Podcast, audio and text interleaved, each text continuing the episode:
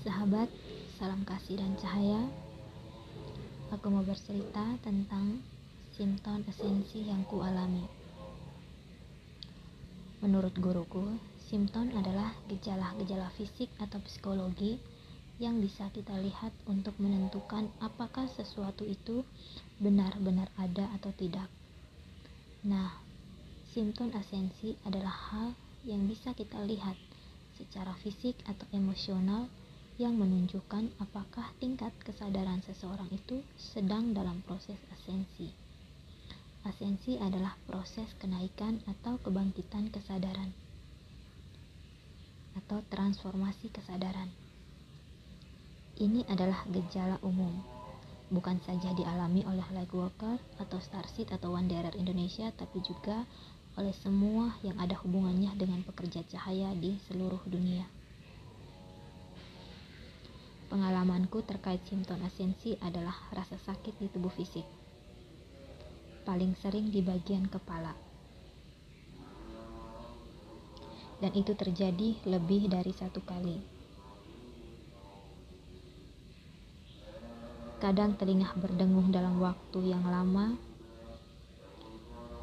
atau tubuh tiba-tiba lemas atau tiba-tiba merasa lapar padahal baru saja selesai makan, dan berbagai gejala fisik lainnya.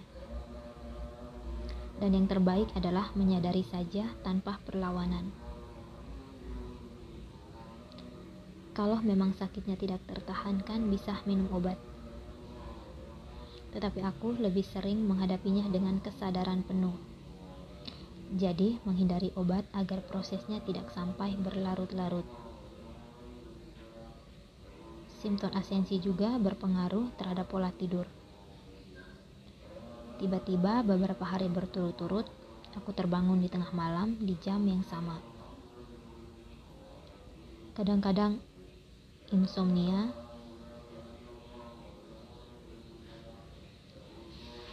dan di lain kesempatan kadang mendadak susah untuk fokus, gampang lupa, dan banyak gejala yang lain. Dan proses simptom asensi ini sangatlah tidak nyaman.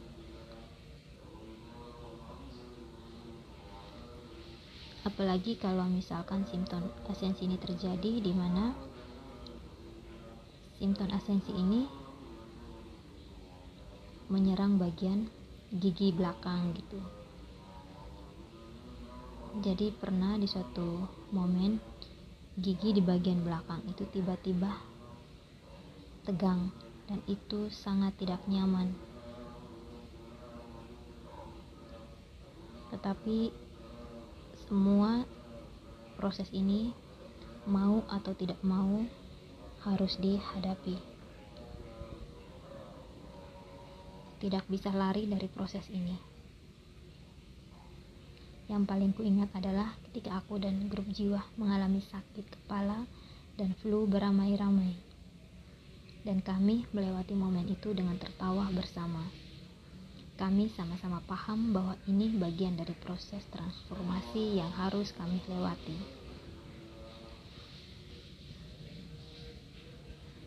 Nah, sahabat, sekian ceritaku. Thank you, namaste.